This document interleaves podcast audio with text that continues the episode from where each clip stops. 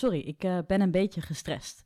We hebben er allemaal wel eens last van. Stress, een vervelende situatie op werk, relatieproblemen, presenteren voor een grote groep mensen en een uitpuilende to-do-list. Maar ook de huidige pandemie zorgt bij velen voor stress. Uh, veel krantenkoppen lazen de afgelopen tijd. Iets meer ontspanning helpt ook tegen de pandemie, al dus het NRC. Vier op de vijf jongeren staan op omvallen, was te lezen in het parool. En 80% van de jongeren zit tegen, door corona tegen een burn-out aan, las het AD. En uh, als laatste zei het RTL Nieuws dat een tweede lockdown zorgt voor meer stress dan de eerste. Uh, niet alleen jongeren ervaren gevoelens van stress door de huidige crisis overigens, maar het percentage burn-outs in deze groep ligt uitermate hoog en dat was ook voor de crisis al zo. Samen met expert Thijs Launsbach zullen we vandaag bespreken hoe het komt dat deze groep millennials zo gevoelig is voor stress en burn-out. En uh, misschien heeft Thijs zelfs nog wel wat tips voor onze luisteraars.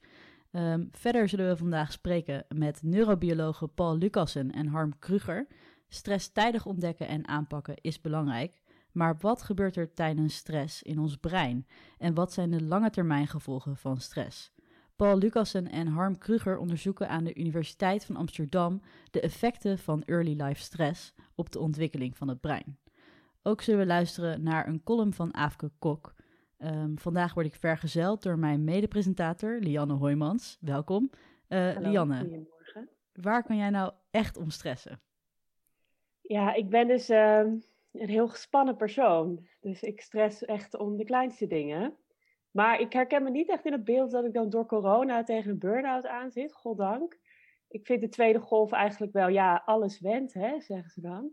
Uh, dus ik ben nu eigenlijk helemaal niet zo ges gestrest door corona, maar wel door talloze andere dingen. Dus, uh... nou ja, uh, goed om te weten uh, hoe je er vandaag bij zit. ja, ik zei het net al even voordat we gingen opnemen. Ik was vandaag ook gestrest, want ik moest de techniek voor deze uitzending doen. En daar ben ik niet zo handig mee.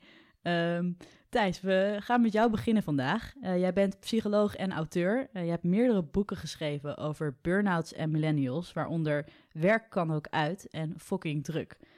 welkom en fijn dat je vandaag bij ons wilde aanschuiven. Ja, dankjewel. Leuk om hier te zijn. Um, ja, ik wilde eigenlijk gewoon beginnen met een hele simpele vraag. Wat is stress eigenlijk? Ja, goede vraag. Misschien mag ik nog even een klein beetje terugpakken op wat je net in het intro zei, ja, voor ik het vergeet. Er werd inderdaad op een gegeven moment, weet je, uh, we hebben, ik, ik denk dat we best wel met een stressprobleem zitten. Uh, en dat dat zeker bij bepaalde groepen wat oververtegenwoordigd is.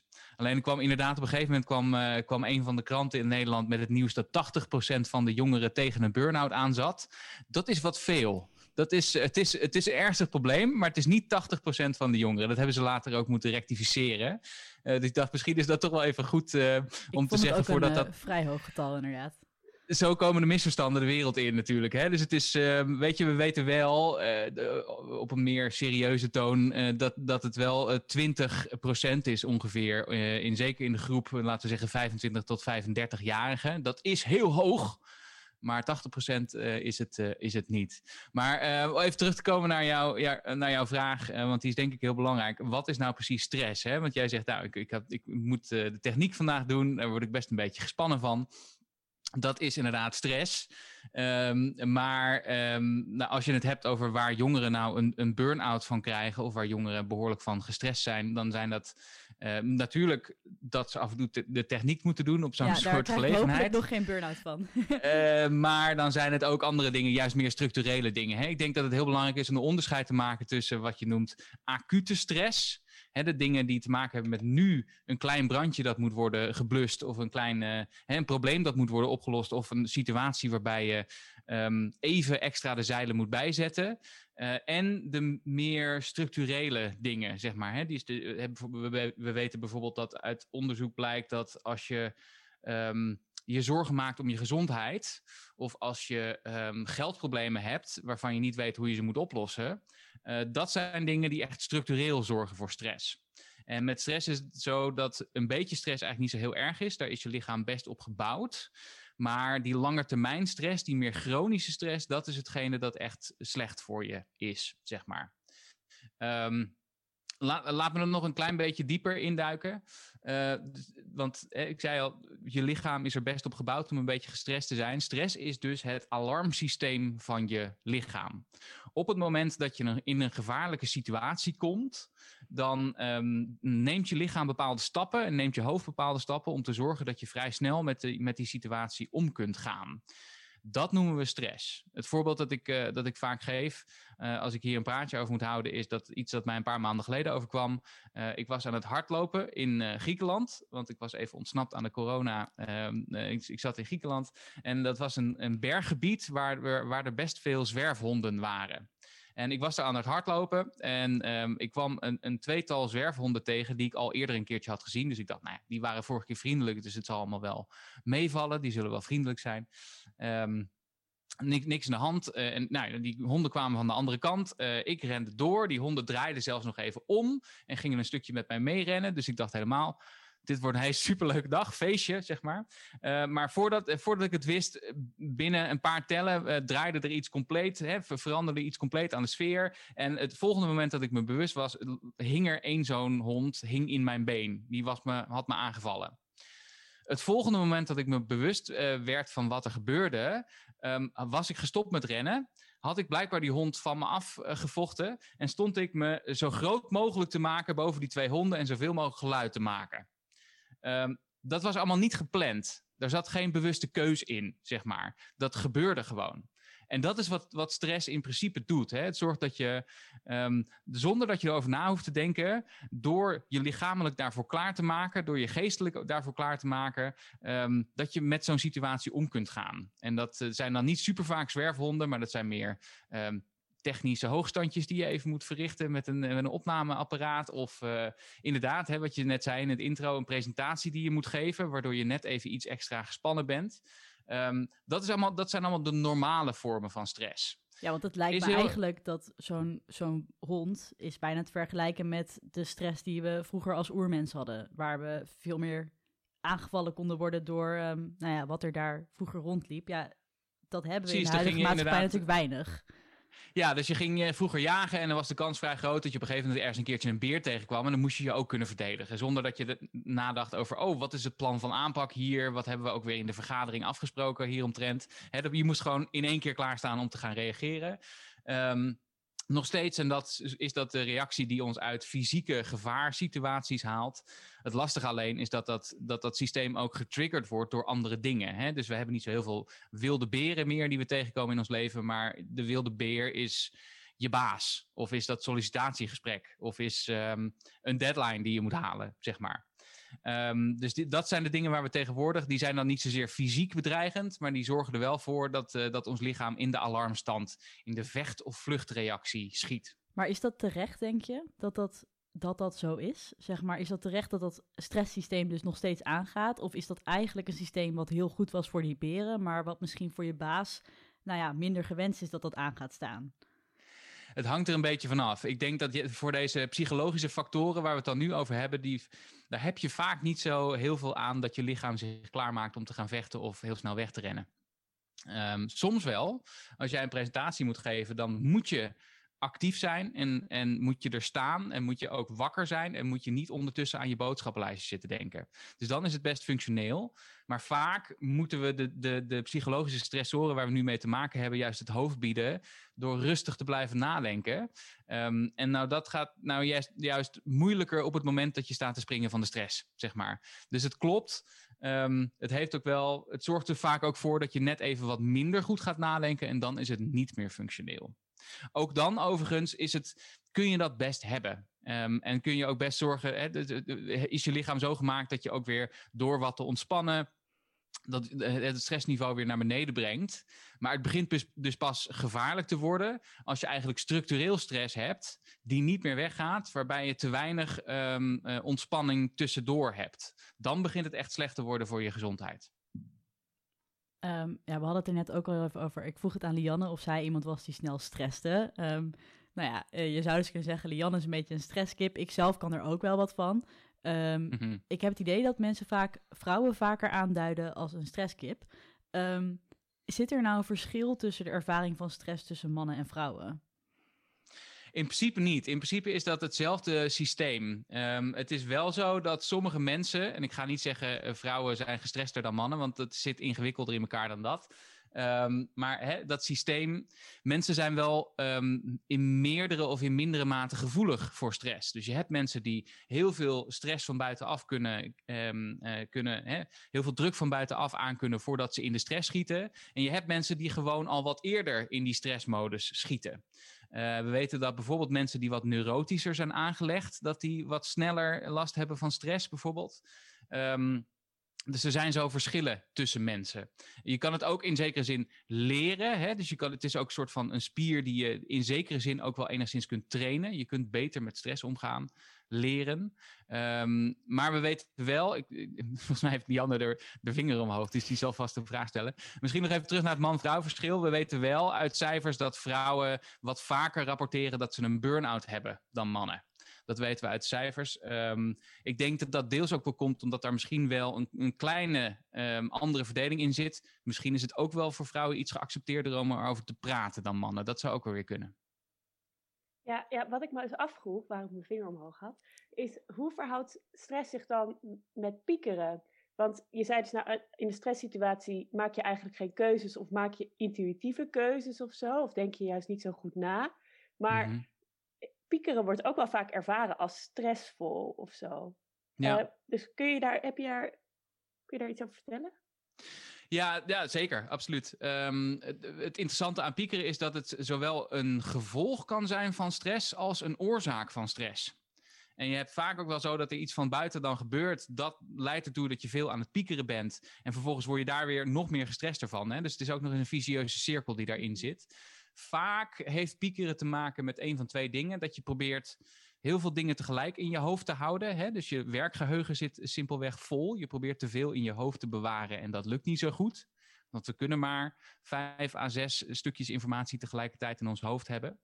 Um, of het is uh, Um, het, kan ook dat dat, uh, dat dat komt omdat je gewoon nog iets over iets belangrijks iets moet nadenken. Hè? Dat je iets nog niet helemaal hebt, hebt uitgepuzzeld voor jezelf.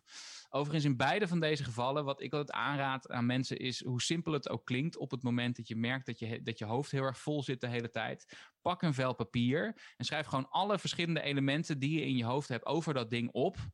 Uh, waarom? Nou, één, omdat het zorgt dat de dingen die in je hoofd zitten, die bewaar je dan even op papier en dan hoef je ze niet meer in je hoofd te bewaren.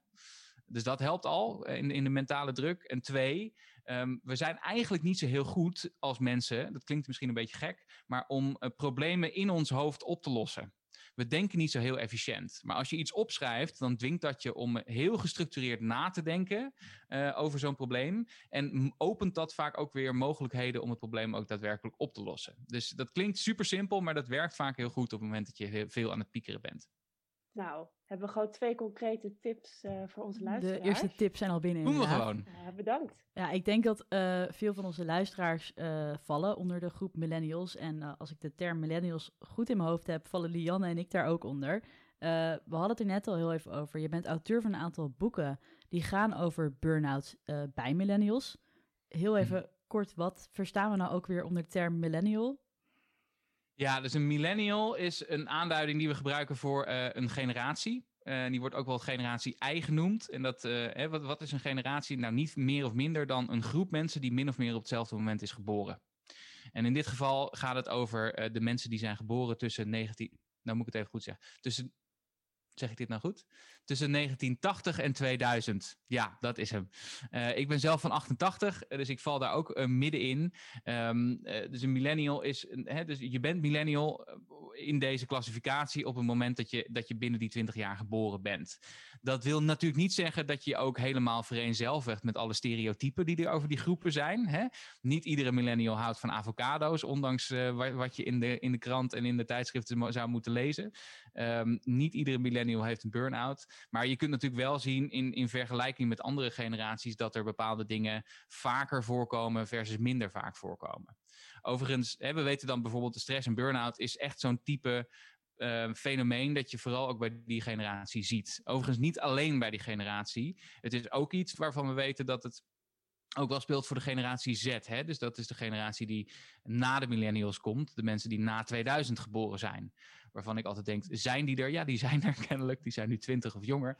Um, maar daar zien we dus ook veel, uh, misschien iets meer angsttype klachten. Uh, maar zo is dat, hè, je, je, kunt wel van die verschillen aanduiden uh, tussen, tussen generaties. Overigens, stress is niet alleen iets dat voor millennials geldt, maar dat geldt eigenlijk voor iedereen. Maar we zien dus wel dat, dat, dat voornamelijk dat burn-out probleem redelijk veel bij hen voorkomt. En is dat dan, uh, denk je dat dat echt ja, een oorzaak heeft binnen die millennials? Of is het ook deels een soort taboe over mentale gezondheid, wat steeds minder wordt, waardoor mensen misschien sneller zeggen: Ik heb een burn-out? Uh, daar ook meer misschien van afweten en het sneller bij zichzelf herkennen? Uh, of is het een combinatie van de twee? Ja, is het antwoord erop. Het is inderdaad een combinatie op de twee. Uh, er zijn best wel veel verschillende dingen aan de hand, denk ik. Hè? Ik ben um, als psycholoog, ik, ik, kom uit de klinische psychologie. Dat betekent dat ik me bezighoud met, waarom, met de vraag waarom worden mensen ziek en wat kun je daar dan aan doen. Dat heeft vaak te maken met een aantal dingen. Het heeft vaak te maken met de uh, de verhouding tussen wat ze noemen draagkracht en draaglast. Um, hè, dus eh, dus hoe, hoeveel je aan kunt, zeg maar, dat is je draagkracht. En hoeveel gewicht je eigenlijk te torsen hebt. Ik zou zeggen, uh, voor beide is min of meer in deze groep wel iets te zeggen. Dat daar misschien iets in is verschoven. We hebben ook met veel te maken, denk ik. Hè? Want uh, zeker veel millennials hebben toch wel de voelen erg de verantwoordelijkheid om iets groots um, van hun leven te maken. En dat kan een flinke verantwoordelijkheid zijn er is ook te, uh, we hebben ook te maken met een, moordende prestatiedruk. En ook wel behoorlijk wat stressoren. Ook bijvoorbeeld in termen van social media, waar we het ongetwijfeld straks nog even over, over zullen over mogen hebben. Um, en aan de andere kant vraag, nou ja, stel ik soms ook wel mijn vraagtekens bij in hoeverre we opgeleid worden of getraind worden om stress ook aan te kunnen. Hè? Want vaak um, is dat pas een thema dat komt kijken op het moment dat het eigenlijk al te laat is. Als mensen al een burn-out krijgen, gaan ze eens nadenken over hoe zit het eigenlijk met uh, de stress in mijn leven? De, de, het derde punt dat jij, dat jij aangeeft is denk ik ook heel erg waar. Um, ik denk ook, we, we, spreken nu heel erg over burn-out. Dus dat zal ook, als je te maken hebt met psychisch lijden in je leven, zul je het misschien ook vrij snel herkennen als een burn-out. Uh, dus wat dat betreft hebben we dus ook wel te maken met een soort populariteit van die term, of misschien een beetje hype-achtige um, elementen. Uh, zodat, nou, ik kan me voorstellen dat er mensen zijn die heel angstig zijn, of die misschien juist meer somberheidsklachten ervaren, die dat misschien ook wel sneller herkennen als een burn-out, simpelweg omdat we daar zoveel over spreken tegenwoordig. En uh, ja, je, je noemde het dus net al eventjes uh, dat onze drang om iets heel belangrijks te doen als millennials heel groot is. nou ja, we gaan het er toch heel even over hebben. We zitten nu natuurlijk in de coronacrisis. Ja. Hoe draagt deze huidige situatie daar nou nog extra aan bij? Ik weet niet of dat te maken heeft met die opdracht iets groots en meeslepend van je leven te maken. Um, en ik denk dat als daar iets in is gebeurd, dan is het wel gewoon een soort van uh, relativering, denk ik, momenteel. Ik denk dat, dat een van de dingen die, die vooral misschien de nieuwe generaties kenmerkt, is het idee dat je dus zelf helemaal verantwoordelijk bent voor wat er gebeurt in je leven. Hè? Dus dat je zelf de touwtjes in handen hebt. Um, en dat je heel, eh, dat is de, de maakbaarheidsgedachten noemen ze dat ook wel. Hè? Dus het, het idee dat je je hele leven kunt vormgeven en moet vormgeven zoals je dat zelf wil. Uh, en dat succes een keuze is. Nou, ik denk deze situatie waar we nu mee te maken krijgen, die, die laat toch wel zien dat er ook dingen zijn die buiten onze invloedssfeer liggen, waar we toch mee te maken hebben. Want hoezeer we misschien ook willen, of hoe, hoezeer we ons leven succes willen, eh, een succes willen maken momenteel, dat is gewoon best wel lastig op het moment dat je bijvoorbeeld niet naar buiten mag en dat er heel veel dingen niet kunnen. Dus we worden ook in zekere zin wel overgeleverd aan de grillen van de tijd waar we nu in leven. Dus misschien haalt dat juist, misschien, uh, misschien relativeert dat die maakbaarheidsgedachte dan weer op een gekke manier. Um, ik denk alleen wel, kijk, wat we weten, of je nou millennial bent of niet, um, en we weten dat uh, um, een gevoel van autonomie over je leven, van het idee dat je zelf je beslissingen mag nemen over of het nou over je werk is of over hoe je je leven indeelt, dat is een soort beschermer tegen stress. Maar een tekort aan autonomie of autonomie die wordt weggenomen, Bijvoorbeeld omdat je hele agenda leeg moet, omdat je niet meer naar buiten mag, omdat er coronamaatregelen zijn. Ehm, dat eh, zo'n tekort aan autonomie, het gevoel dat je niet meer de, de beslissing over je eigen leven mag, uh, mag nemen, dat is juist een stressor, weten we. Dus dat is wel, dat is wel iets wat er, wat er nu gebeurd is, denk ik. We zijn simpelweg een stuk autonomie over ons leven kwijtgeraakt. En dat zie je dus ook daarin. Uh, naast dat we weten dat uh, deze coronacrisis ook wel zorgt voor veel angst. Vooral bij mensen, mensen die sowieso al wat angstiger zijn aangelegd. Of het nou gaat over besmet worden of over de vraag: wat moet ik met mijn leven bestaan? Hè? Hoe, gaat het allemaal na corona en uh, wanneer komen we hier weer uit? Um, mensen die de neiging hebben om te piekeren, gaan veel meer piekeren. Mensen die de neiging hebben om een beetje eenzaam te worden, die worden nog veel eenzamer. Hè? Dus het maakt nog al die dingen, maakt het simpelweg erger. En ook dat weer heeft weer zijn weerslag op hoeveel stress we in ons leven ervaren. Dus, dus ik denk dat dat wel een behoorlijke invloed is van deze crisis ook. Ja, uh, een van de dingen die veel mensen zijn gaan doen in deze crisis is uh, TikTok uh, downloaden. Een van een social media platform.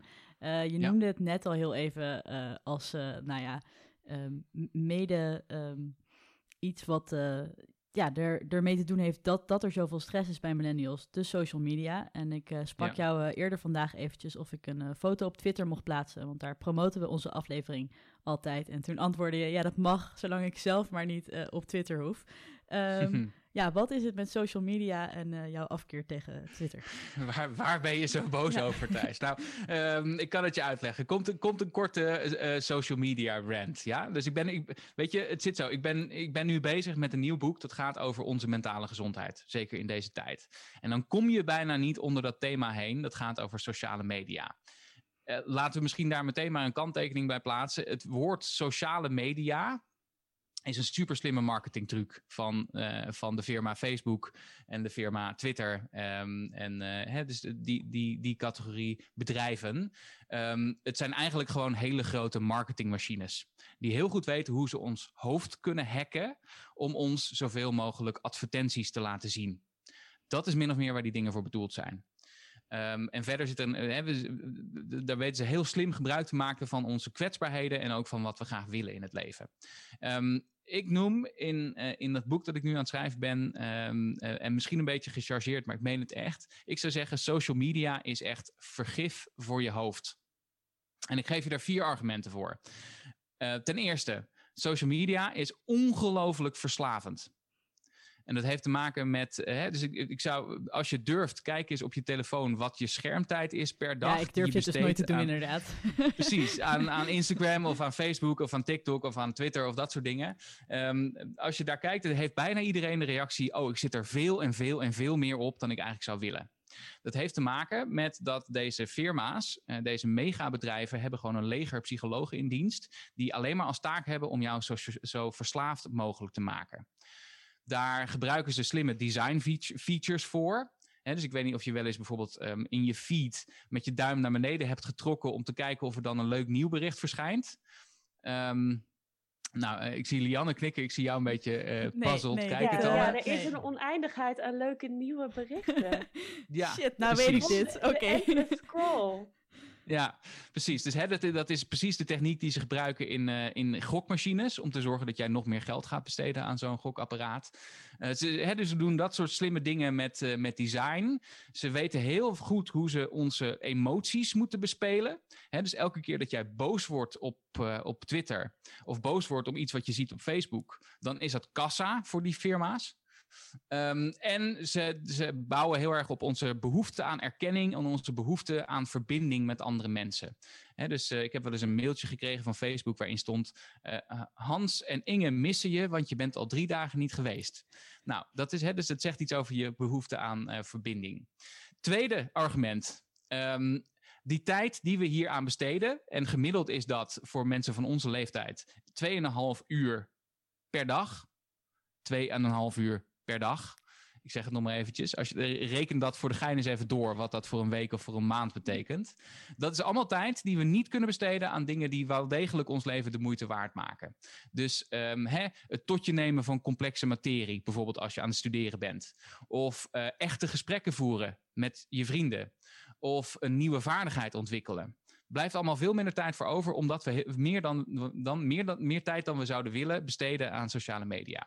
Ho, ho. Drie. Maar mag ik niet eh, even onderbreken? Hè? De- mag leg- zeker even je onderbreken. Niet, leg je nu niet een extra prestatiedrang op aan, eh, aan, aan, aan deze mensen? Ik bedoel, soms wil je toch gewoon even lekker je hersenen uit, even lekker scrollen, even lekker alleen maar Britney Spears die aan het dansen is en verder niks.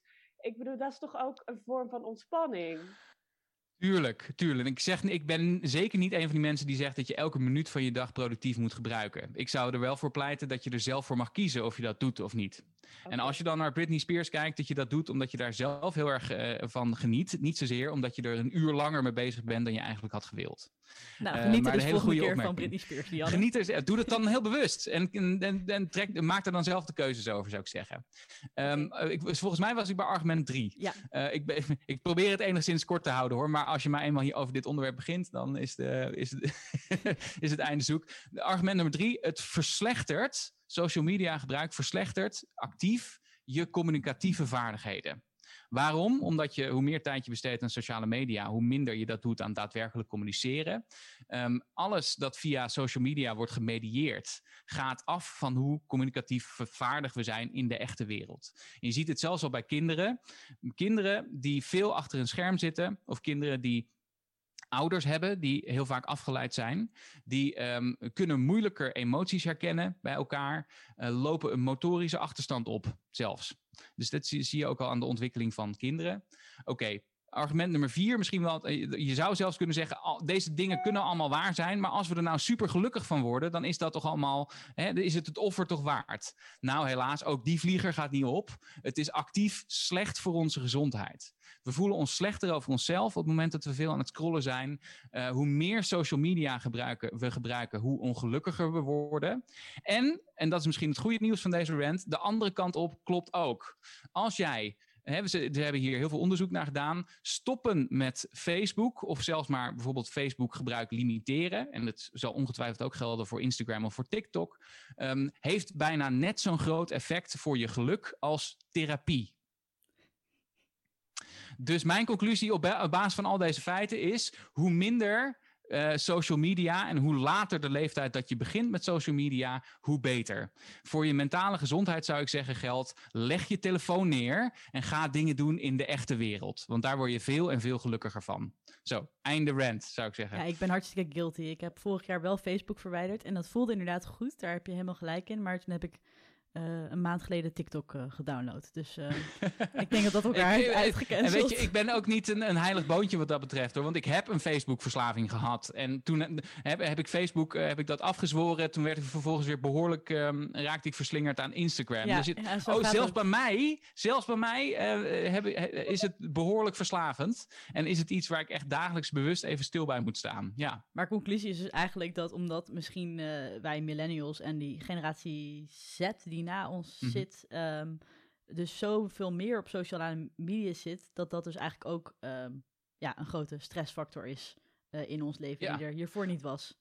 Absoluut. Dat is een van de dingen die, die echt wel is veranderd voor deze generatie. Naast een aantal andere dingen hoor. Maar ik- kijk, eh, misschien is dit een beetje flauw om te zeggen. En misschien is het een beetje kort door de bocht. Maar als jij 2,5 uur per dag besteedt aan social media. dan moet je mij nooit gaan zeggen dat je het druk hebt in je leven. Ja, ik heb het wel eens gedaan volgens mij. Maar guilty as charged. Eh, we hadden het, eh, je noemde het eerder al heel even kort en daar wil ik dan mee afsluiten. Eh, we zitten volgens jou in een mentale gezondheidscrisis in onze maatschappij. Nou ja, we hebben het over een aantal dingen gehad die hier aan bijdragen.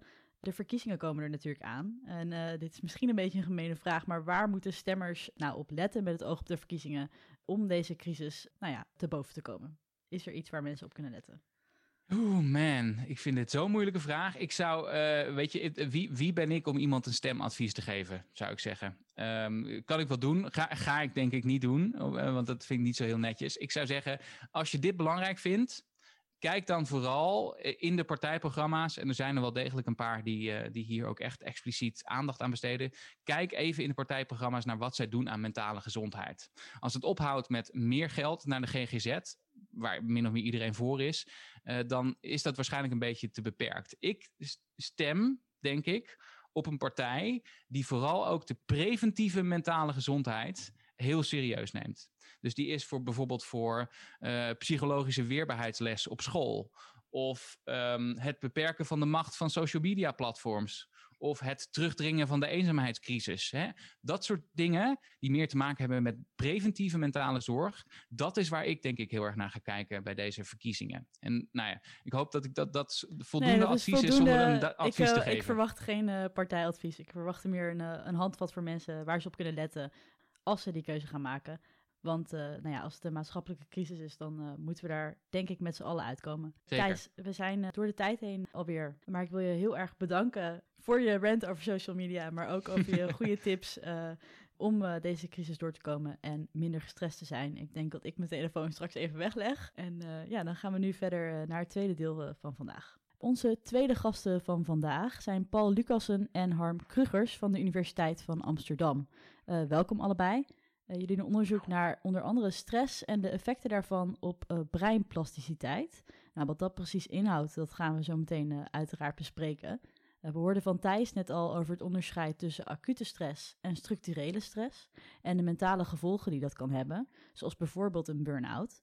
Maar wat gebeurt er eigenlijk in ons brein eh, tijdens die stress? Nou, kunnen jullie daar eerst eh, een antwoord op geven? Ik, ik denk dat het belangrijk is om te realiseren dat stress eigenlijk een, eh, een heel oud systeem is, wat er eigenlijk altijd al is geweest in de evolutie en wat ons heel vaak heeft eh, gered. Eh, en omdat het ons heeft helpen focussen en als heeft helpen aandacht concentreren op de zaken die echt even belangrijk zijn. Eh, bijvoorbeeld als je een, eh, een zebra bent en je wordt achterna gezeten door een leeuw, dan is het niet zo heel erg belangrijk of je op dat moment nog lekker van de blaadjes staat te eten of dat je je nog voortplant in dat komende uur. Het gaat erom dat je rent en weg, geweest, weg bent. En dat is, uh, ja, daarvoor heb je alle energie nodig. Dus dat is wat stress eigenlijk doet. En een tweede, denk ik, is, is wat vaak verwarring geeft, is dat stress ook een, uh, wordt vaak door de war gehaald met de stressrespons. Het lichaam geeft ook in reactie op dat zo'n bedreiging past het zich aan. En dat gaat het makkelijkste door allerlei uh, innovaties die via zenuwbanen verlopen, maar ook via allerlei hormonen die afgegeven worden. En die hormonen, daarvan kennen we er eentje denk ik al heel goed, dat is adrenaline. Uh, als je enorm schrikt of je springt net op tijd weg voor een auto uh, die je bijna aanrijdt als je probeert over te steken, dan klopt je hart in je keel, je gaat hijgen, je gaat zweten. Dat zijn uh, responsen die ontstaan door, uh, door het hormoon adrenaline wat afgegeven wordt. En die zorgt ervoor dat heel veel energie ter beschikking komt en dat geeft ook de mogelijkheid om je aan te passen. En vlak daarachteraan komt een ander hormoon uit dezelfde bijnier. Dat geeft een, een, aanpassing op een iets langere termijn. Dat herstelt eigenlijk het evenwicht weer. En dat probeert die energievoorraden weer te herstellen. En dat zorgt ook dat je heel erg leert van die ervaring. Dat je de volgende keer dat je daar oversteekt, dat je drie keer om je heen kijkt voordat je dat doet. Omdat je geleerd hebt dat dat een hele nare of een riskante plek was. En dat zijn ook aspecten van diezelfde hormonen die ook op het, uh, op het brein aangrijpen. En die uh, structuur die onder andere heel gevoelig daarvoor is, is de hippocampus. Die structuur bestuderen we in onze groep ook veel. En uh, die hippocampus heeft met leren en geheugen te maken. En wat, wat je ziet is dat daar uh, nou, leerprocessen veranderen. Dat is één niveau van plasticiteit. En je kunt je ook voorstellen dat dat op de korte termijn gebeurt op, op, op nou klein niveau tussen de synapsen, tussen de contactpunten tussen cellen. Dat je daar een andere overdracht krijgt, dat je versterking krijgt van bepaalde herinneringen. Um, maar op de langere termijn, en dat is het tweede aspect denk ik, wat heel belangrijk is bij stress. De acute stress is vaak nuttig, maar als stress maar door blijft gaan en je steeds maar in een soort hyperalerte toestand wordt gebracht, dan kan dat als chronische stress ook heel schadelijk gaan worden. En daar zal Thijs het ook wel over gehad hebben, daar hebben we denk ik allemaal mee te maken op dit moment. We zijn allemaal niet zo heel happy met de situatie, we willen graag iets anders. En uh, dat geeft ook chronische stress op de lange duur. En dat kan, uh, dat kan ook nadelige effecten geven in het brein bepaalde structuren, onder andere die hippocampus, daar zien ze dat die uh, krimpt. Je kunt ook meten dat, dat individuele neuronen kleiner worden. Die dendrietboom die ze hebben, die, die is minder complex, die kan, kan kleiner worden van vorm. En een, een ander proces van plasticiteit, wat wij dan ook vaak bestuderen, is de geboorte van, van nieuwe hersencellen in een bepaalde structuur in het brein. En ook dat proces, dat noemen we neurogenese, dat zie je ook afgeremd worden onder stress en, en, en zeker ook naar chronische stress. Want even kijken, je noemde nou een paar keer de term breinplasticiteit. Wat, wat verstaan we daaronder? Plasticiteit is denk ik het vermogen van het brein om zich aan te passen. Dus om om te kunnen gaan met nieuwe omstandigheden. Dat kan gebeuren op, op gedrag, uh, dat kan gebeuren op, op functie, elektrisch, zeg maar in bepaalde gebieden. Dat kan gebeuren op het niveau van, van structuur. Ja, dus cellen kunnen meer of minder aangemaakt worden, kunnen groter of kleiner worden, kunnen meer of minder synapsen en gevoeliger worden. Dat zijn ja, want je brein bestaat uit cellen. Je brein bestaat uit cellen en die cellen die noemen we neuronen. Ehm, en die zitten dus aan elkaar met synapsen. Ook, ja. Um, klopt het nou dat je geen nieuwe breincellen aan kan maken? Nou, dat is, een, dat is een, denk ik, een heel uitgesproken vorm van plasticiteit. Als je het hebt over aanpassing van het brein en je ziet dat er in een paar structuren, de hippocampus onder andere, daarvan is bekend geworden dat daar uh, nog steeds stamcellen aanwezig zijn. En die uh, stamcellen die vormen in, in volwassen dieren en volwassen mensen ook, ook nieuwe neuronen. Dus die worden uh, zeg maar geboren daar in een bestaand brein. En vroeger dachten we eigenlijk dat dat nooit mogelijk was. Dat er uh, alle cellen waarmee je geboren wordt, dat daar je hele leven mee moet doen. En in de hippocampus blijkt dat eigenlijk uh, voor te komen. De, de, vorming van die nieuwe cellen gaat daar nog steeds door. En dat is een, nou, dat is een onderwerp wat heel veel aandacht heeft gegeven, wat bij uitstek een, een voorbeeld is van plasticiteit. Ja, een speciaal gebied dus, die hippocampus. Zeker. Ja, in andere delen van het brein zie je het niet. En, en het is daarom ook heel interessant om te weten waarom het wel in hippocampus gebeurt en op andere plaatsen niet. En het is sowieso interessant om te begrijpen hoe dat kan, moleculair. Ja, als je dat zou kunnen begrijpen welke moleculaire mechanismen daar aan de grondslag liggen, zou je dat misschien ook wel in andere gebieden kunnen aanzetten als daar schade is opgetreden. Of, of, ja, er zijn allerlei redenen om te begrijpen hoe dat, uh, te willen begrijpen hoe dat werkt. Maar wat ik me dan afvraag is, waarom krimpt dan je hippocampus? Waarom, waarom gaat alles slechter in je hoofd wanneer er veel stress is? Of chronische stress is? Hoe kan dat? Nou, dat is een goede vraag. Uh, kijk, er zit dus een groot verschil tussen acute stress en tussen chronische stress, zoals Paul eigenlijk al aangeeft. Dus on, ons brein is buitengewoon, uh, buitengewoon veranderlijk. Um, en dat stelt, ons, dat stelt ons ook in staat om ons aan te kunnen passen aan veranderende omstandigheden, zo, zoals bijvoorbeeld stress. Hè. En uh, dat, dat is plasticiteit. Dus hersencellen communiceren met elkaar via die synapsen. Die zijn buitengewoon veranderlijk. Dus die kunnen, die synapsverbindingen kunnen sterker worden, die kunnen minder sterk worden. Uh, de verbindingen tussen die cellen, die kan dus echt uh, veranderen. En dat stelt ons bijvoorbeeld in staat om stressvolle herinneringen gewoon heel erg goed te onthouden. En dat is buitengewoon adaptief. Wanneer de stress langdurig wordt en bijvoorbeeld stresshormonen zoals cortisol worden langdurig afgegeven, dan gaat het op een gegeven moment de werking van de hersenen eigenlijk uh, verminderen. Bijvoorbeeld de communicatie tussen hersencellen vermindert. Het brein wordt ook minder plastisch. De verbindingen kunnen minder makkelijk en minder goed worden versterkt. En dat zorgt er ook voor dat uh, ja, hersencellen uiteindelijk eh, gaan krimpen. Dat is uh, voor zover we weten ook wel een soort van reversibel proces. Hè? Dus ze krimpen en ze kunnen ook wel weer, weer groter worden. Ja, en wat de, gevolgen, wat de, de oorzaak en de reden daarvan is, nou ja, daar weten we wel steeds meer van af. Dat heeft iets te maken met die afgifte van die stresshormonen. Uh, ook neurotransmitters uh, zijn daar waarschijnlijk uh, bij betrokken. Het zou misschien wel een soort van bescherming kunnen zijn, uiteindelijk ook van de hersenen. Ehm, maar wat nou precies de reden ervan is, weten we niet. Maar het is in ieder geval wel gecorreleerd met bijvoorbeeld de verminderd goed werken van die hippocampus. En eh, wat doet die hippocampus verder? Want stel dat ik nou dus heel erg lange chronische stress heb, waar ja. krijg ik dan verder last van? Want ik heb dan een ja. gekrompen hippocampus in mijn hoofd. Um, ja. Wat doet dat verder? Ja, zeker. Nou, die hippocampus is buitengewoon belangrijk voor, uh, voor leren en geheugen. En met name is die betrokken bij het omzetten van het korte termijn geheugen in het lange termijn geheugen. Dus informatie komt binnen, die wordt verwerkt, ook onder andere in de hippocampus. Daar wordt informatie met elkaar gekoppeld eigenlijk. Uh, en die informatie wordt omgezet van het korte termijn geheugen in het lange termijn geheugen. Dus beschadigingen van die hippocampus, die zijn onder andere, uh, hebben die gevolgen voor, uh, voor de omzetting van het korte termijn geheugen in het lange termijn geheugen. Ja, dus als studenten heel en, erg veel en, gaan stressen over hun tentamens, dan wordt het er niet beter op allemaal. Want dan krijg je dus, daar krijg je alleen maar meer geheugenproblemen van. Als nou ja, zo, ik, niet verstandig, dat is veel stress. Nee. Dat, is, dat is wel een vraag die ik die vraag krijg. Uh, wat doet stress nou met het geheugen? Uh, een beetje stress is wel goed voor het geheugen. Een beetje stress wel, dus je moet het gematigd houden. Is wel goed voor, een beetje stress en een beetje arousal, uh, dat, is goed, dat is goed voor het geheugen. Dat is ook wel goed voor de communicatie tussen hersencellen, die wordt dan versterkt. Te veel stress en met name langdurige stress, ja, dat vermindert, het, dat vermindert de functie van het geheugen. En ook de functie van de hippocampus. Nou, uh... In aanvulling, een, een, van die functies van de hippocampus is ook, eh, wat Harm zegt, is denk ik de verschuiving in zeg maar, van kort naar lange termijn, maar ook gewoon de, de spatiële, uh, temporele oriëntatie. Dus eigenlijk waar je was En, en wanneer dat was. Dus het, het feit dat ik eh, morgen terugdenk aan deze dag, dan kan ik me dat herinneren. En ik heb er een bepaald gevoel bij. Ik weet dat het in de middag was. Ik heb daar een plaatje bij. En dat is een andere herinnering dan als ik er over een week of over een maand naar, naar, naar terugdenk. En dat zijn aspecten die in hippocampus gecodeerd worden. En, en, en men vermoedt dat misschien het feit dat je daar zeg maar, eigenlijk heel vergelijkbare herinneringen hebt. Want ik zit morgen weer in diezelfde kamer en ik zit morgen weer in hetzelfde huis. Net als we allemaal. Op een gegeven moment kan je dat steeds moeilijker uit elkaar halen. Dat, dat uit elkaar halen van eigenlijk uh, ja, zeg maar spatiële en ruimtelijke herinneringen die heel erg op elkaar lijken. Uh, daar is de hippocampus ook heel erg belangrijk bij. En men, men denkt dat ook met name die nieuw geboren cellen daar een, eh, een rol bij, bij kunnen spelen het voorbeeld wat ik ook altijd heel duidelijk vind, is dat als, je, als ik morgens op de universiteit aankom en ik ga mijn fiets parkeren, dan staan er duizend fietsen voor de deur. En uh, hetzelfde heb je op het centraal station.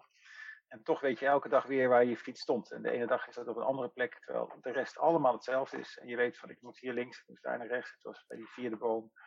En zo kan je toch die, die herinneringen die eigenlijk heel erg op elkaar lijken, kan je elke dag weer uit elkaar halen. Dat is waar de hippocampus uh, ook heel belangrijk bij is. Oh, misschien heb ik dan te veel gestrest. Want ik moet zeggen dat ik best vaak mijn fiets kwijt ben als ik hem uh, ergens neer heb gezet. Dat is een heel veeg teken, eh, Tanne. ja, ja, daar ga ik al. Dat is het begin van, uh, van het um, nou, dank jullie wel voor deze uitleg. jullie doen onderzoek naar stress. Um, ja, ik kan me voorstellen dat dat best lastig te meten kan zijn. Want ik zeg wel eens tegen mensen, ja, ik was een beetje gestrest, sorry. Maar om daar een waarde aan te hangen voor je wetenschappelijk onderzoek, dat lijkt me ingewikkeld. Hoe gaat zulke stressonderzoek in, je, in zijn werk?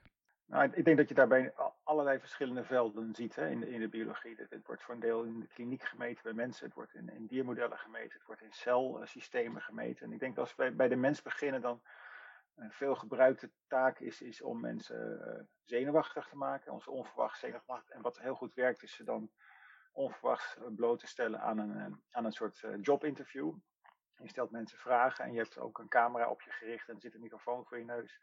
En je wordt gevraagd of je wat hele eenvoudige sommetjes uh, wil berekenen, die in feite ontzettend moeilijk zijn. En elke keer als je een fout maakt, dan zeggen ze van, nou stop, ga maar weer terug naar het begin. En, en je wordt gefilmd. En uh, ja, dat is, dat is voor heel veel mensen, als het onverwachts gebeurt en je moet daar vragen beantwoorden, dat, is, uh, dat geeft een enorme stressreactie in je lichaam. Je kunt ook hormonen meten. Je kunt bij mensen, een aantal van die hormonen, ik noemde net adrenaline al, maar ook cortisol, wat Harman noemde, dat is een hormoon dat iets later afgegeven wordt. Dat kun je meten. Je kunt zien hoe dat in de tijd heel snel toeneemt of heel hoog toeneemt. Of dat het weer heel lang uh, duurt voor het zakt. Dat kun je bepalen met, uh, met essays in bloed. In speeksel kun je het ook voor een deel meten. Dat is een stuk makkelijker natuurlijk. Um, en je kunt, uh, ja, wat ook wel aardig is, je kunt tegenwoordig ook zien maten zeg maar, voor chronische activatie van het stresssysteem. Dus je, je kunt bijvoorbeeld proberen de, de, de, de grootte van de bijnier te meten waar die hormonen uitkomen. En als die langdurig veel hormonen hebben afgegeven, is die bijna iets groter geworden. Nou, dat is best lastig om dat goed op een scan te zien. Maar je kunt ook bijvoorbeeld zien waar dat cortisol blijft. En een van de plekken waar het uh, ook in te meten is, is in haar. Je kunt hele kleine uh, bosjes haar, zeg maar, uh, afknippen bij mensen. En als een soort jaarringen van een boom kun je, kun je daar met een speciale techniek in meten hoeveel stresshormoon daarop is neergeslagen. En dat kun je ook, geeft je een indruk van hoeveel stress dat geweest is voor de afgelopen tijd. Nou, je kunt die, die stresshormonen ook bij zenuwcellen in een bakje uh, stoppen. Dus, en er zijn allerlei niveaus waarop je de effecten van stress zeg maar, kunt meten in, in termen van biologische parameters. En uh, ben ik er nog een paar vergeten, Harm? Nee, dit zijn wel hele belangrijke, maar belangrijke metingen. Je kunt in het bloed kun je bijvoorbeeld inderdaad cortisol meten. Je kunt activiteit van het adrenerge systeem meten, adrenaline, nog adrenaline. Of de activiteit van die, metingen die erop lijken dat dat soort veranderingen zijn opgetreden in adrenaline of nog adrenaline. En, dus ook belangrijke snelle stresshormonen. Hoe ja. controleer je dan verder uh, die groepen? Gebruik je dan hele grote groepen? Want ik kan me voorstellen, als je zo een paar mensen van de straat plukt, die hebben natuurlijk een andere achtergrond van uh, ja, stresslevels waar ze al in zitten. Die ene heeft misschien drie hele jonge kinderen en slaapt slecht Absoluut. en heeft heel veel stress. Ja. Terwijl die andere misschien een yogi is die elke dag uh, drie uur mediteert. Um, nou, daarmee, hoe corrigeer daarmee je je de spijker op de kop, denk ik. Dat is de, dat is, dat is de crux van een, een goed experiment. Een, een, goed design is het, het echt het hebben van eenzelfde controlegroep die, als het even kan, hetzelfde geslacht heeft, dezelfde leeftijd, uh, die zoveel mogelijk dezelfde condities heeft meegemaakt, op hetzelfde moment van de dag uh, gemeten wordt. Al dat soort parameters moet je zo constant mogelijk houden. En het enige wat je wil zien is het effect van, nou ja, of ze daar nog niet gestrest zijn of er is een, uh, zo'n zo zo zenuwen genererende taak met ze uitgehaald. Of ze liggen in een scanner en je kijkt wat er in het brein gebeurt. Dat moet je heel goed timen. die controlecondities zijn super belangrijk en daar wordt in allerlei studies ook heel goed naar gevraagd. Omdat je, nou terecht wat je zegt, anders dan haal je heel veel dingen door elkaar. En dat, is, uh, dat maakt het interpreteren heel erg lastig. Ik vroeg me nog af over dat haar. Zou je dan, als je, zou je, stel je verzamelt haren van Nederlanders of eigenlijk van wereldburgers, zou je daar dan precies het coronajaar in kunnen onderscheiden? Omdat je zegt dat het een soort jaringen zijn. Dus is dat, dat is een hele goede vraag. Ik, ik weet niet of dat gebeurt. Uh, want dan zou je dus echt voor en na langdurig hebben moeten meten bij dezelfde mensen. Of, of in ieder geval bij een vergelijkbare groep. Um, ik, ik, weet niet of dat gedaan wordt. En ik weet niet of het zo lang uh, goed blijft. Ik kan me herinneren mm. dat ja, haar groeit ook. Hè, dus het gaat een paar millimeter per, jaar, per maand of iets dergelijks was het. Dus er zit een soort uh, grens aan. En ja, we gaan niet naar de kapper. Dus ja, het aantal mensen groeit het schoonlijk door.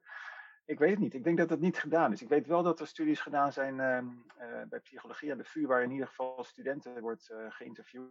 Studenten worden geïnterviewd voor ze beginnen aan hun studie, gewoon in het algemeen. hoe hun welzijn is, hoe ze werkdruk ervaren, hoe ze het vinden om, uh, om deel te nemen aan het studentenleven. En daar worden allerlei psychologische vragen en, en, en maten ook gedaan of gemeten.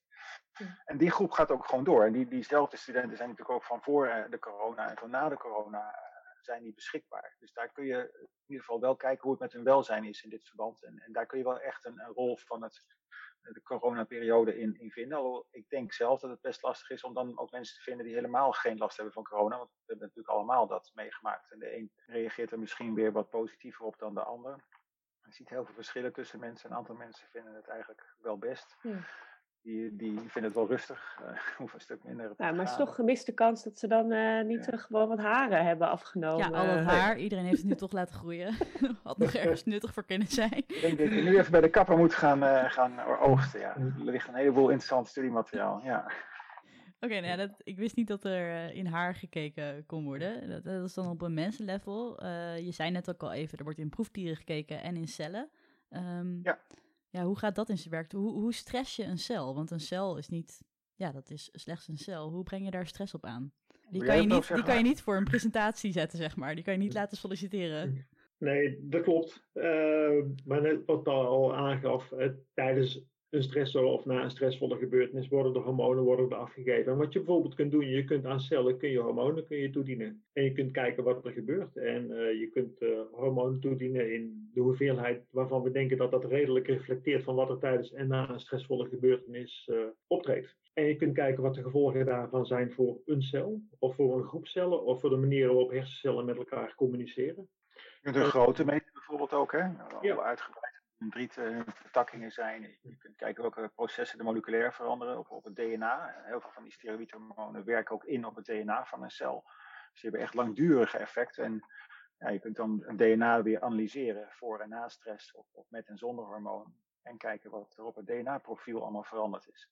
Dat zijn allemaal mogelijkheden die je heel goed in die celsystemen kunt doen. En dat, dat, maakt ook dat je veel beter begrijpt wat er echt ter plaatse in individuele cellen en individuele systemen gebeurt. En dat is wat je bij de mensen natuurlijk maar voor een groot deel van buiten aan, aan vragenlijsten of aan, aan scans uh, ja, op een heel grover, grover niveau pas uh, bestudeerd.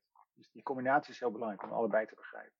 Ja, dus je kunt die effecten eh, op cellen en tussen hersencellen, die kun je eigenlijk analyseren van DNA tot, uh, tot functie. Hè? Van, van, wat gebeurt er op DNA-niveau, wat gebeurt er met eiwitten, wat gebeurt er met de manier waarop cellen met elkaar communiceren en hoe hangt dat met elkaar samen. Ja, dus je hebt eigenlijk de mogelijkheid om bijna in die black box van je proefpersonen van de straat te kijken wat er binnenin gaande is en die hm. ja, response output in de, de vorm van een meer een vragenlijst, hoe mensen gestrest ervaren, die haal je dan uit de, uit de mens. Maar het lijkt me wel lastig integreren, die informatie. Dat is het ook. Dus dan zeg het onderzoek naar stress en eh, bijvoorbeeld stress en geheugen vergt eigenlijk ook echt wat dat betreft een interdisciplinaire benadering met mensen vanuit verschillende, vanuit verschillende uh, disciplines. Vanuit de psychologie, vanuit de psychiatrie, vanuit de neurobiologie, om echt te kijken wat gebeurt er nou echt in het brein en wat gebeurt er tussen hersencellen en wat zijn daar de gevolgen van. En ook waar komt variatie uh, vandaan? Waarom is de ene persoon veel gevoeliger voor stress bijvoorbeeld dan de andere persoon? En dat vergt inderdaad gewoon, en dat is ook buitengewoon fascinerend, dat vergt echt mensen van verschillende pluimage. Hey, uh, eventjes uh, als afsluiter nog um, uh, over jullie eigen onderzoek. Jullie doen onder andere onderzoek naar stress in ja, vroege levensfases. We gaan zo ook luisteren naar een column over kleine vogeltjes, dus dat past daar goed in. Um, Zie je een bruggetje aankomen. Ja, wat, wat gebeurt er als je stress in je vroege leven ervaart? En wat verandert dat nou structureel in het brein? Ja, die periode vroeg in het leven, dat is natuurlijk een periode waarin het brein eigenlijk nog volop in ontwikkeling is.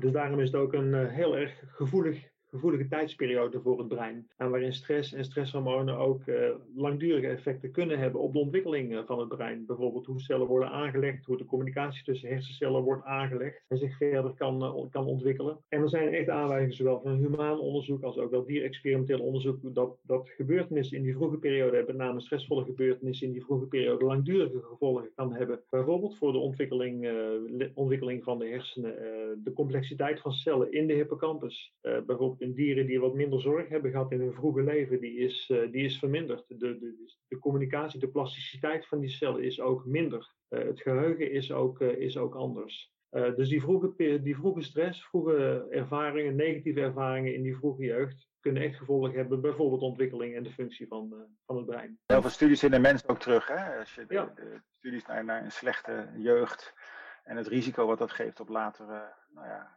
achteruitgang in cognitie, maar vooral ook risico op psychopathologie. Ja, die, die, die is heel sterk, die link in allerlei epidemiologische studies, waarbij grote groepen mensen zijn gevolgd. En wat dan precies die factoren zijn, dat is natuurlijk super interessant. Is, is, dat trauma, traumatische ervaring? Is dat misbruik geweest? Is dat het overlijden van een, van een vader of een moeder?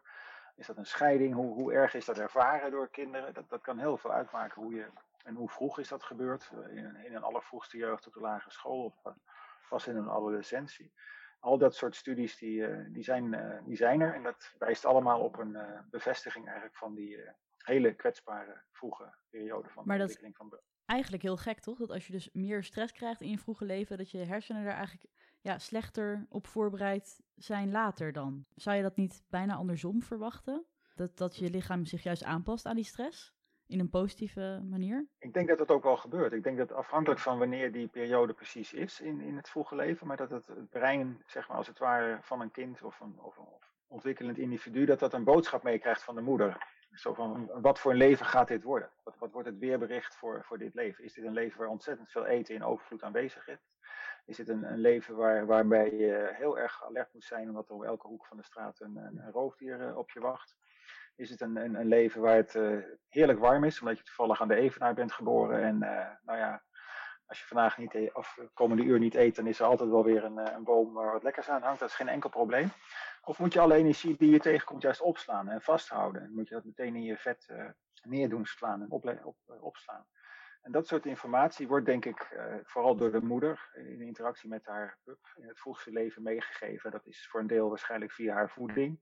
Dus haar melk, die vertelt hoe rijk eh, de omgeving is, hoe rijk haar dieet was. Dat, kan het kind doorgegeven worden, maar ook of die moeder gestrest is. Die stresshormonen komen ook via de melk uh, bij de pup terecht. En, en, haar gedrag zal ook nog uitmaken als die moeder ontzettend onrustig is en steeds weg is. Daar wordt een pup ook niet uh, blij van. Die heeft het liefst, en een kind heeft het liefst, denk ik, de moeder gewoon aanwezig. En uh, rust, reinheid en regelmaat, zoals dat in mensentaal heet. Ehm, ja, dus ik denk dat zijn aspecten die in het vroege leven heel bepalend kunnen zijn. En, en hoe dat precies werkt, is, is denk ik erg verschillend per individu. En ook per maat waarnaar gekeken wordt. Ja, echt maatwerk dus. En, en nog genoeg te onderzoeken, lijkt me als ik het zo hoor. Uh, nou, ik uh, wil jullie heel erg bedanken. We zijn Zeker. alweer uh, door de tijd heen, helaas. Maar ik wil jullie heel erg bedanken dat jullie hier aanwezig wilden zijn vandaag. En ja, dan gaan we nu snel luisteren naar een column over vogeltjes en nestcamera's. Dus dit sloot goed mooi aan, inderdaad. Het laatste stukje over early life stress. Nou ja, misschien dat je op die camera's kunt zien of die vogeltjes gestrest waren. In ieder geval voor de kijkers kan het heel relaxend werken, denk ik, om naar vogeltjes te kijken. Als een barbapapa ligt ze in haar nestkast, een hoopje slapende bosuil. Af en toe blijkt de verzameling veren ook ogen te hebben, als ze haar hoofd even opricht naar de kastopening en je een zacht mm hoort. Wellicht een teken dat mannenbosuil eens een muisje moet komen brengen. Ik heb goed nieuws. Deze geruststellende beelden zijn voor iedereen te bekijken, live vanuit je luie thuiswerkstoel. Met Beleefde Lente, een initiatief van Vogelbescherming Nederland, kun je genieten van nestcamera's verspreid door het land. De bosuil is mijn favoriet, maar je kunt nog veel meer vogels volgen deze lente. Van slechtvalken tot zeearenden en ooievaars. en sinds kort een paardje oehoes.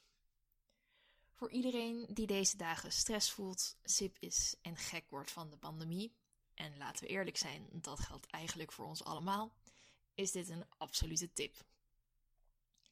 Ik was me er tot voor kort niet van bewust hoe ontspannend het is om naar een hoopje slapende bosuil te kijken, maar ik kan het iedereen aanraden. Je kunt de beelden zelfs picture-in-picture afspelen, zodat je de hele dag kunt doen alsof je werkt en ondertussen in een hoekje van je scherm het simpele recht toe recht aanleven van vogels volgt. Heerlijk lijkt me dat soms. Geen zorgen over het lot van de wereld, geen druk van de maakbaarheidsmaatschappij. Het is dezelfde valse jaloezie die je soms voelt als je terugdenkt aan je kindertijd, de zorgeloosheid van het bestaan. Natuurlijk is het leven van de beleefde lentevogels beslist niet zonder zorgen. Het mag dan de ultieme vorm van slow television zijn. Af en toe gebeurt er natuurlijk toch wat. Deze dieren zijn bezig met de voorbereidingen op en straks het begeleiden van early life. En iedereen met kinderen kan denk ik beamen dat dat behoorlijk stressvol kan zijn. De zeearenden zijn druk bezig met de perfecte rangschikking van de takken in hun nest. De kerkuilen beleeft een spectaculaire balsnacht en die slapende bosuil ligt te broeden op twee eieren.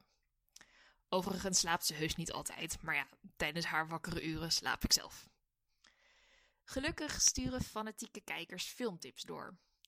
Dus als je de spanning na het staren naar een leeg nest niet meer aan kunt, wanneer zou de zeearend terugkeren, dan kun je je lol op met samenvattingen van opmerkelijke beelden die de vogelbescherming in handige clipjes heeft gevat. Het is sinds de uitbraak van SARS-CoV-2 vrij gebruikelijk dat je zo'n beetje alles online en vanuit huis kunt doen. Maar een bijkomend voordeel van beleefde lente is dat je dat natuurlijk bij uitstek wel ook buitenshuis kunt doen. Helaas heb ik zelf geen tuin en zelfs geen balkon, maar buiten van vogels genieten kan gelukkig ook heel goed in een park, in het bos of gewoon op een willekeurige plek in de stad. Ik heb als puber meerdere plagerige Sinterklaasgedichten geschreven over de plots opkomende, opkomende vogelhobby van mijn vader, die in mijn ogen in een oude opa veranderde die continu bezig was met appeltjes snijden en vogelpindakaas kopen.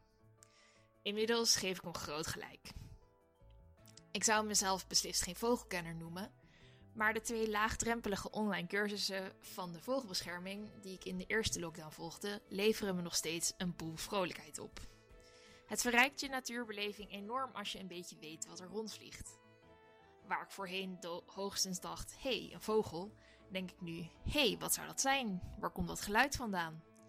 Ik zie ineens ook een stuk meer vogels. Ze vallen gewoonweg meer op als je erop let.